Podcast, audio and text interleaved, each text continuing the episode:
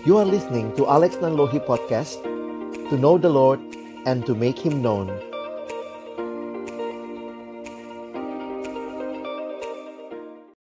Mari kita berdoa sebelum membaca merenungkan firman Tuhan. Kami datang dalam ucapan syukur malam hari ini Karena sungguh Tuhan engkau baik Dan engkau menyatakan kebaikanmu di dalam hidup kami Malam hari ini kami kembali akan membuka firman-Mu. Kami mohon ya Tuhan ketika kami membuka firman-Mu, bukalah juga hati kami. Jadikanlah hati kami seperti tanah yang baik.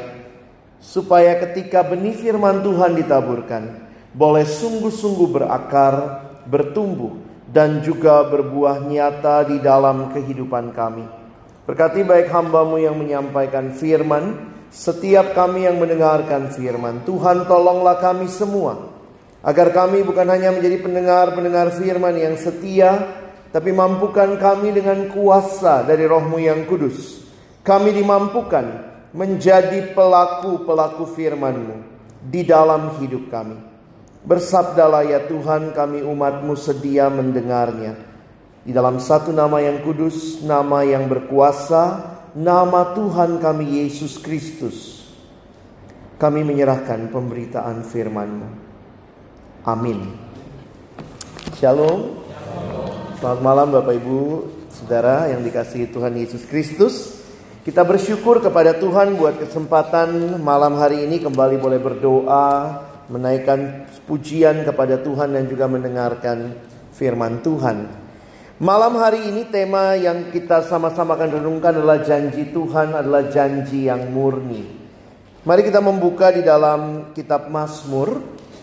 Mazmur 12. Mazmur 12. Kita akan membaca di dalam ayat yang pertama sampai dengan ayatnya yang ke-9.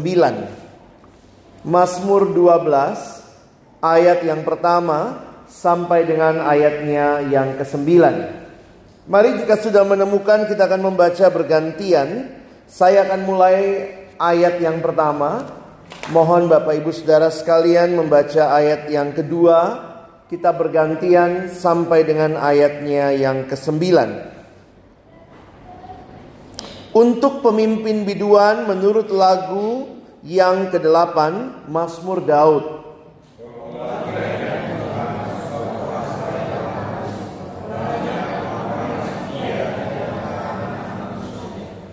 Mereka berkata dusta yang seorang kepada yang lain.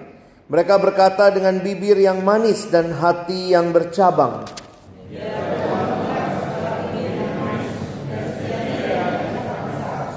Dari mereka yang berkata, dengan lidah kami, kami menang. Bibir kami menyokong kami. Siapakah Tuhan atas kami?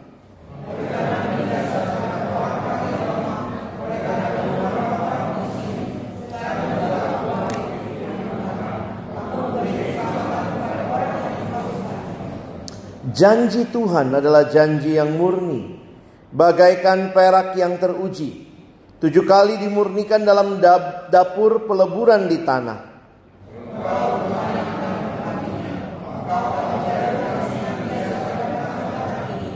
Orang-orang fasik berjalan ke mana-mana, sementara kebusukan muncul di antara anak-anak manusia. Saudara yang dikasihi Tuhan, mungkin kita pernah mendengar istilah janji-janji surga. Tapi kalau kita dengar istilah janji-janji surga, maka yang terbayangkan apa di benak kita? Biasanya orang yang bilang, "Ah, kamu itu mah janji-janji surga, itu kok kaitannya dengan kebohongan ya?" Oh, nggak mungkin bisa ditepati. Wah kamu ini cuman janji-janji surga. Sehingga buat kita banyak orang melihat janji surga sama dengan kebohongan. Gak mungkin itu. It's too good to be true. Terlalu indah untuk bisa terjadi. Tapi malam hari ini mari kita melihat sama-sama firman Tuhan yang mau menyatakan kepada kita bahwa sungguh janji surga itu ada dan bukan kebohongan. Saudara, kita melihat Mazmur 12 Kalau kita membaca kitab Mazmur, kita harus melihat secara khusus apa yang menjadi konteks dari Mazmur itu. Memang banyak Mazmur yang tanpa konteks karena tidak dijelaskan kepada kita apa yang melatar belakangi penulisan kitab Mazmur ini atau Mazmur yang dituliskan. Ada Mazmur-Mazmur yang jelas konteksnya. Misalnya ini adalah ketika Daud lari dari kejaran anaknya Absalom tetapi Mazmur 12 ini kita tidak menemukan konteksnya. Tetapi kalau Bapak Ibu membaca keseluruhan, yang menarik adalah kita bisa melihat ini adalah sebuah doa permohonan. Ada yang mengatakan ini adalah Mazmur keluhan. Satu doa ratapan di hadapan Tuhan. Apa yang Daud ratapi? Apa yang Daud keluhkan? Mari Bapak Ibu Saudara kita mulai melihat mulai dari ayatnya yang kedua. Tolonglah kiranya Tuhan sebab orang saleh telah habis, telah lenyap orang-orang yang setia dari antara anak-anak manusia. Kalau kita perhatikan yang Daud sampaikan adalah sebuah doa melihat betapa mengerikannya situasi di sekitarnya di mana tidak ada orang yang sungguh-sungguh berpegang kepada Tuhan. Apakah ini hiperbola? Nampaknya begitu saudara ya. Buktinya kan ada Daud ya. Daud sendiri juga orang yang masih berpegang pada Tuhan. Tapi begitu sedikitnya orang benar, begitu tertindasnya orang benar, karena itu Daud berkata, tidak ada itu gambaran puitis yang dia sampaikan. Dan ada hal yang menarik secara khusus di dalam Mazmur ini, karena yang disoroti Daud bukan cuma kefasikan orang-orang yang ada pada waktu itu, tetapi Daud melihat betapa mengerikannya dusta. Mari Bapak Ibu lihat ayat yang ketiga. Jadi kalau kita lihat memang Mazmur ini mengkontraskan antara perkataan manusia dengan perkataan Allah. Perhatikan perkataan manusia ayat 3. Mereka berkata dusta yang seorang kepada yang lain. Dustanya bukan sendirian. Publicly one another. Jadi inilah sebuah situasi dusta yang terjadi. Mereka berkata dengan bibir yang manis dan hati yang bercabang. Waktu saya melihat dan merenungkan bagian ini, bukan hanya dusta yang disampaikan, tapi kalau Bapak Ibu perhatikan, ini juga bicara bahwa ada motivasi hati. Bisa saja yang disampaikan itu indah, mulut yang manis, Indah yang disampaikan, tetapi ternyata Daud melihat lebih dalam lagi itu adalah dusta karena mereka punya motivasi yang tersembunyi. Dan waktu saya melihat gambaran ini menjadi sadar betul inilah kondisi dunia di mana Bapak Ibu Saudara dan saya hidup. Dunia yang penuh dengan kebohongan, dunia yang penuh dengan janji-janji surga, tanda kutip. Dunia yang menjanjikan begitu banyak hal. Tapi bukan hanya itu, ternyata dunia yang juga penuh dengan kebohongan, yang satu membohongi yang lain dan seterusnya. Apalagi kalau kita lihat sekarang banyak yang namanya hoax. Hoax, jadi kalau kita lihat wah berita aja, ini masa-masa genting saudara ya. Maksudnya apa? Hati-hati dengan berita-berita, jangan langsung forward. Periksa dulu. Di beberapa grup yang saya ikuti, ada yang langsung kemarin, wah ini sedang terjadi demo. Betul ada demo, tapi yang dia kirim video dua tahun lalu. Demo. Demo juga sih, dua tahun lalu. Jadi banyak orang begitu gampang. Kenapa? Karena ini situasi yang mau dimanfaatkan oleh banyak orang yang tidak senang dengan uh, kepemimpinan yang ada, mau menggagalkan dan seterusnya. Makanya kita mesti hati-hati juga. Kita berdoa terus untuk kondisi yang terjadi. Tapi waktu saya melihat, wah ini sudah diingatkan di dalam Mazmur ini. Ini realitanya. Kita hidup dalam dunia yang tidak sedang makin baik, makin benar. Dan kita melihat di dalam situasi seperti ini, Daud minta pertolongan kepada Tuhan. Seorang penafsir mengatakan betapa sulitnya kondisi sehingga Daud tidak punya kata lain. Cuma satu kata dia berkata, tolonglah itulah yang mengawali ayat satu. Beberapa Mazmur mulai dengan pujian, Mazmur ini mulai dengan ayat duanya tadi, tolonglah dan di tengah-tengah situasi itu, ini harapannya Daud. Lihat ayat 4 Bapak Ibu Saudara. Biarlah Tuhan mengerat segala bibir yang manis. Daud menyerahkan. Tuhan bertindaklah.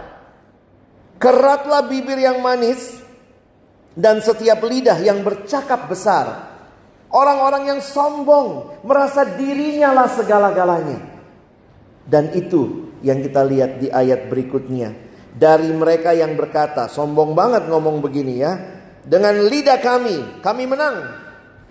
Bibir kami menyokong kami. Siapakah Tuhan atas kami? Mereka merasa dirinya lah segala-galanya. I am the master. Dan di tengah situasi seperti itu, Daud berkata, Tuhan tolonglah, Tuhan bertindaklah mengerat semua lidah seperti itu.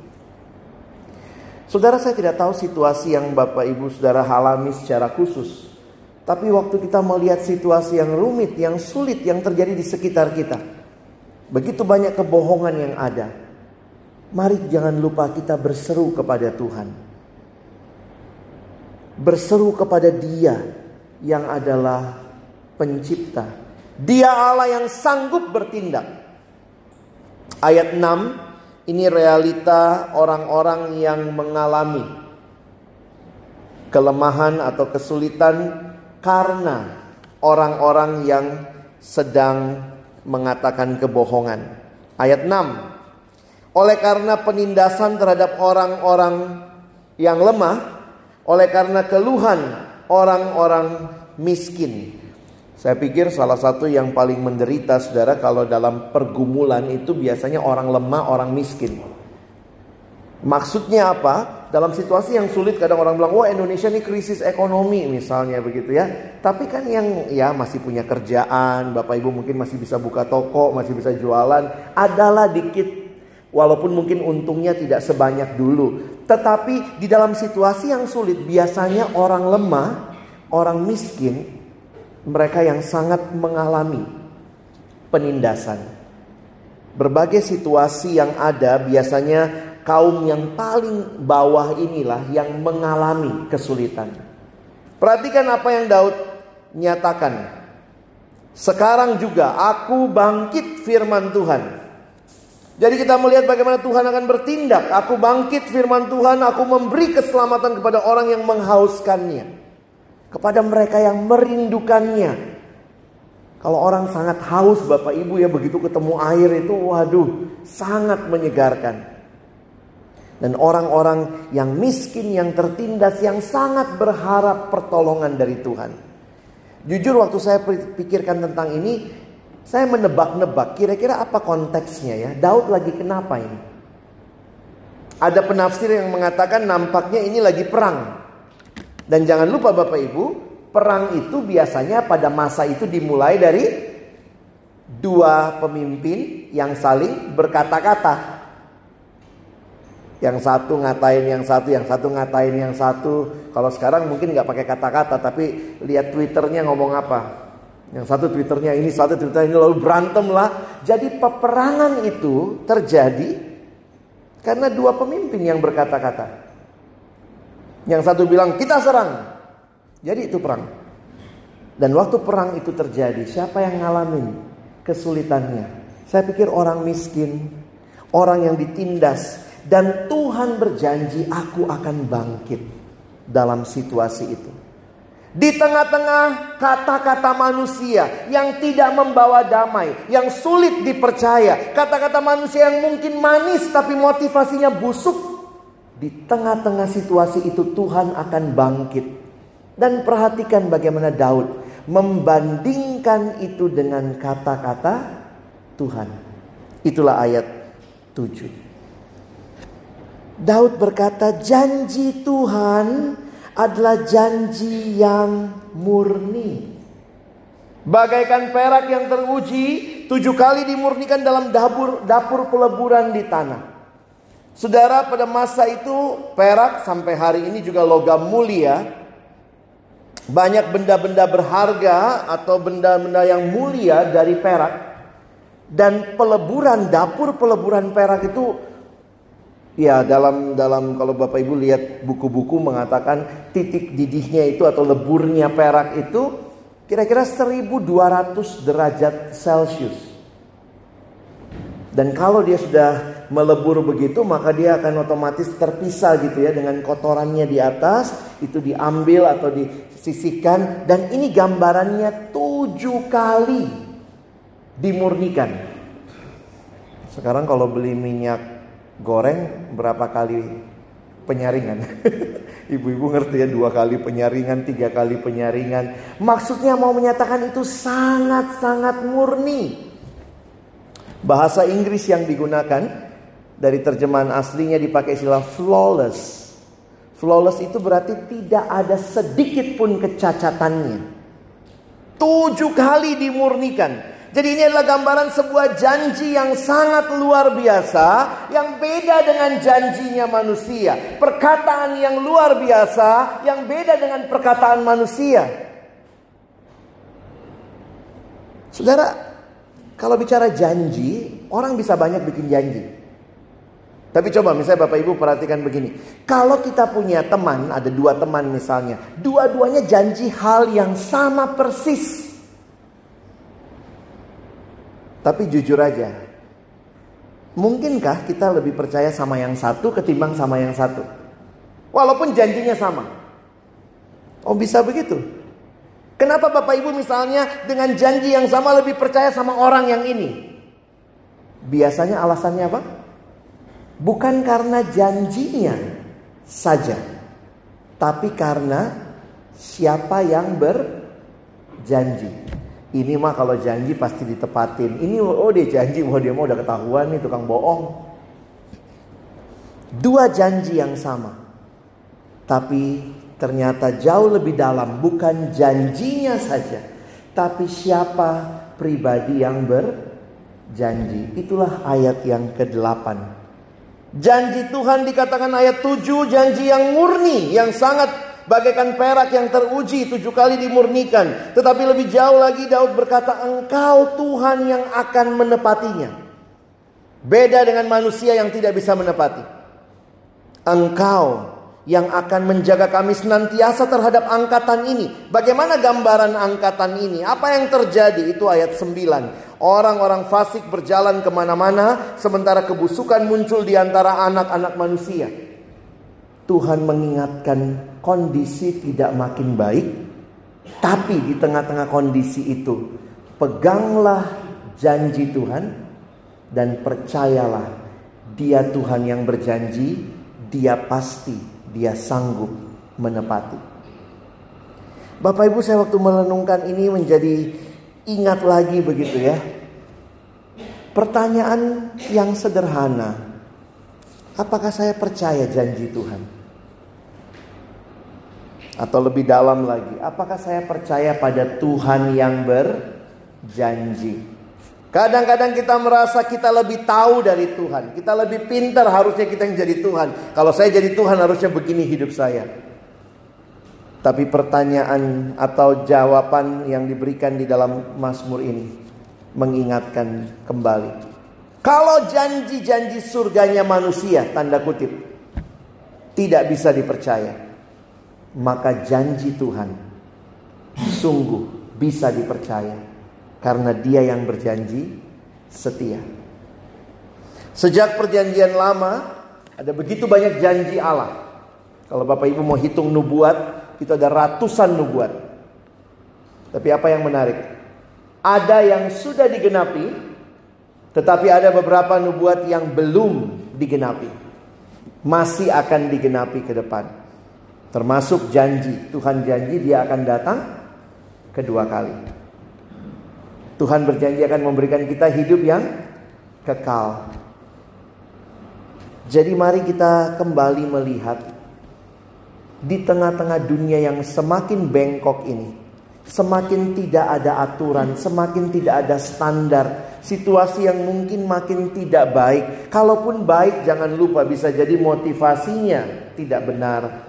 Maka yang bisa menolong Bapak, Ibu, Saudara, dan saya bertahan adalah pegang janji Tuhan, dan ingat, Dia yang berjanji sanggup menepatinya. Bapak Ibu saya harus jujur mengatakan sebagai hamba Tuhan, kadang-kadang saya pun tanda kutip agak ragu, agak sangsi dengan janji Tuhan. Hamba Tuhan juga manusia, saudara ya. Kadang-kadang ada ragu juga. Kadang-kadang rasanya gimana gitu ya. Benar nggak ya? Betul nggak ya? Tapi kemudian waktu saya merenungkan ini, saya ingat begini saudara ya, satu waktu saya datang ke satu teman, ah, bukan teman ya, teman saya telepon dia dari Sumatera. Dia bilang Alex bisa tolong, saya sudah cari pendeta waktu itu, ya saya memang belum pendeta, saya baru dipendetakan bulan lalu begitu ya. Waktu itu dia bilang saya sudah telepon cari pendeta tidak ada yang bisa, saya tidak tahu lagi bagaimana. Kakak ipar saya sudah sekarat di rumah sakit bisa nggak tolong layani? Saya bilang ya cari gereja lokalnya di mana? Dia gerejanya di Bogor. Ini kakak saya udah telepon, tolong ada hamba Tuhan yang datang doakan. Ya itu biasanya jemaat merasanya kalau hamba Tuhan yang datang doakan kayaknya lebih tenang begitu ya. Jadi dia bilang, aduh gimana caranya? Sementara saya bilang ya saya bukan pendeta. Oh nggak apa-apa, yang penting datang doakan supaya memberi ketenangan kepada uh, kakak iparnya yang waktu itu masih sadar tapi seluruh tubuhnya sudah sangat sakit dan uh, uh, dia butuh uh, dikuatkan lah. Saya bilang oke, okay, saya di jalan. Oke, okay, saya langsung ke sana di rumah sakit Cikini. Saya bilang sama teman saya uh, kasih tahu aja kakakmu kira-kira saya 20 menit lagi sampai. Jadi waktu saya datang saudara atau dalam perjalanan ini. Dalam perjalanan saya mikir begini, aduh mau menghibur apa sih orang sudah seperti ini. Aduh nanti datang ke sana kayaknya cuma ngomong janji-janji surga ya. Oh nanti begini, oh indah bersama Tuhan, Tuhan punya rencana yang indah. Mungkin jemaat juga yang sakit udah tahu sih, ngapain ngomong begitu lagi begitu ya. Tapi hari itu Tuhan meneguhkan saya di perjalanan. Saya bilang, bagaimana saya menghibur? Saya nggak sanggup menghibur. Saya kalau lihat orang sakit juga kadang-kadang sakit juga saudara ya. Sedih sendiri saudara. Tapi hari itu saya pikir gimana caranya saya menghibur? Gimana kalau habis saya juga takut gitu ya habis doa tahu-tahu meninggal langsung kan serem juga gitu ya. Tapi kemudian saudara tahu di perjalanan itu saya diyakinkan Tuhan. Kalau yang kau sampaikan firman Tuhan, maka bukan kamu yang akan menggenapinya. Aku Tuhan yang akan menggenapinya. Kau tidak sanggup menghibur dia karena penghiburan kalimatmu terbatas. Hibur dia dengan firman Tuhan. Aku yang berjanji, aku akan menepati. Oh saudara waktu saya dapat peneguhan itu, saya jadi bersyukur ya. Jadi Bapak Ibu kalau misalnya lagi punya pergumulan hidup sulit kalau hamba Tuhan datang menghibur baca ayat jangan bilang Allah udah tahu ya itu Tuhan yang berjanji. Tuhan yang bicara.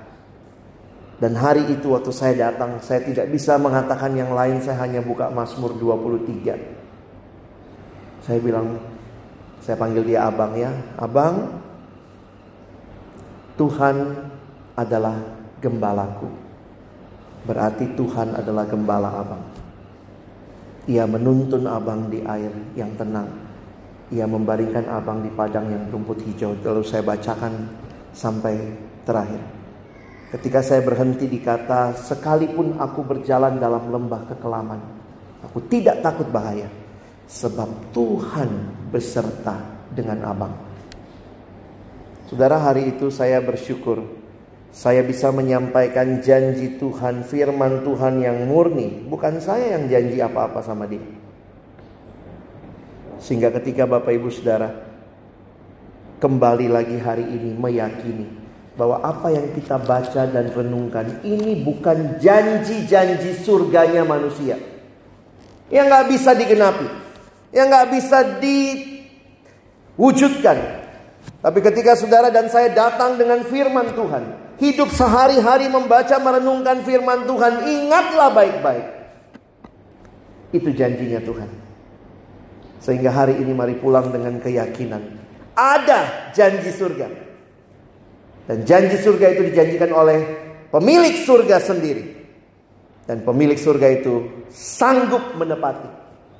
Karena itu, seperti firman Tuhan katakan, hiburkanlah seorang akan yang lain dengan firman Tuhan. Jangan sampai kita baca firman kita sendiri nggak yakin. Kadang-kadang ragu, minta kekuatan lagi dari Tuhan.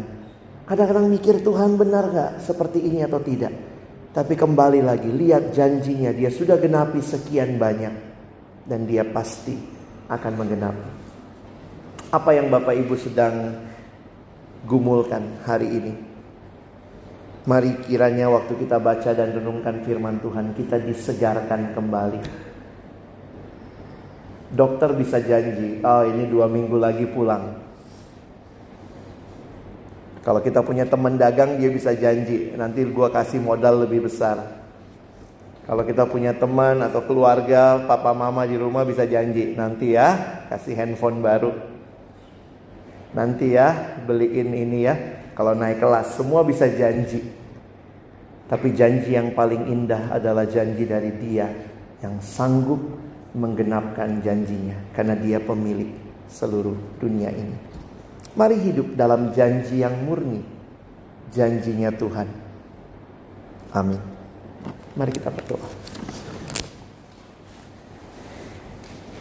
Bapa di dalam surga, terima kasih banyak untuk firman-Mu. Terima kasih karena setiap kali kami diperhadapkan dengan firman-Mu, iman kami kembali diteguhkan. Ini bukan sekedar kalimat-kalimat indah. Janji-janji yang indah tapi tidak mungkin diwujudkan. Tapi engkau memberikan janji-janjimu yang murni, yang indah, dan engkau sanggup menggenapkan. Terima kasih karena kami punya Allah yang maha kuasa. Allah yang memberikan janji-janji surgawi. Sehingga kami bisa menyadari sekarang. Janji-janji surga itu ada dan sanggup digenapi. Meskipun dunia berkata itu cuma janji surga. Hamba berdoa bagi jemaat di tempat ini, tolong kami hidup berakar dalam firman-Mu, kami senang membaca merenungkan firman-Mu, kami hidup di dalam firman-Mu, kami membagikan firman-Mu, kami menyaksikan firman-Mu, kami menghibur satu sama lain dengan firman-Mu. Dan biarlah kami terus dikuatkan untuk berharap dan bersandar padamu. Kadang-kadang kami berpikir bahwa apa yang kami sampaikan sia-sia. Tapi ketika kami menyadari itu janji Tuhan, dan janjimu pasti digenapi. Maka kami juga bersyukur kami boleh melihat penggenapan janjimu yang indah. Sekali lagi terima kasih Tuhan untuk kesempatan membaca merenungkan firman-Mu. Kami mohon tolong kami bukan cuma jadi pendengar firman yang setia. Tapi jadikan kami pelaku-pelaku firman-Mu di dalam hidup kami. Terpujilah namamu dalam nama Yesus yang sudah berjanji dan menggenapkan janjinya. Kami berdoa, kami bersyukur. Amin.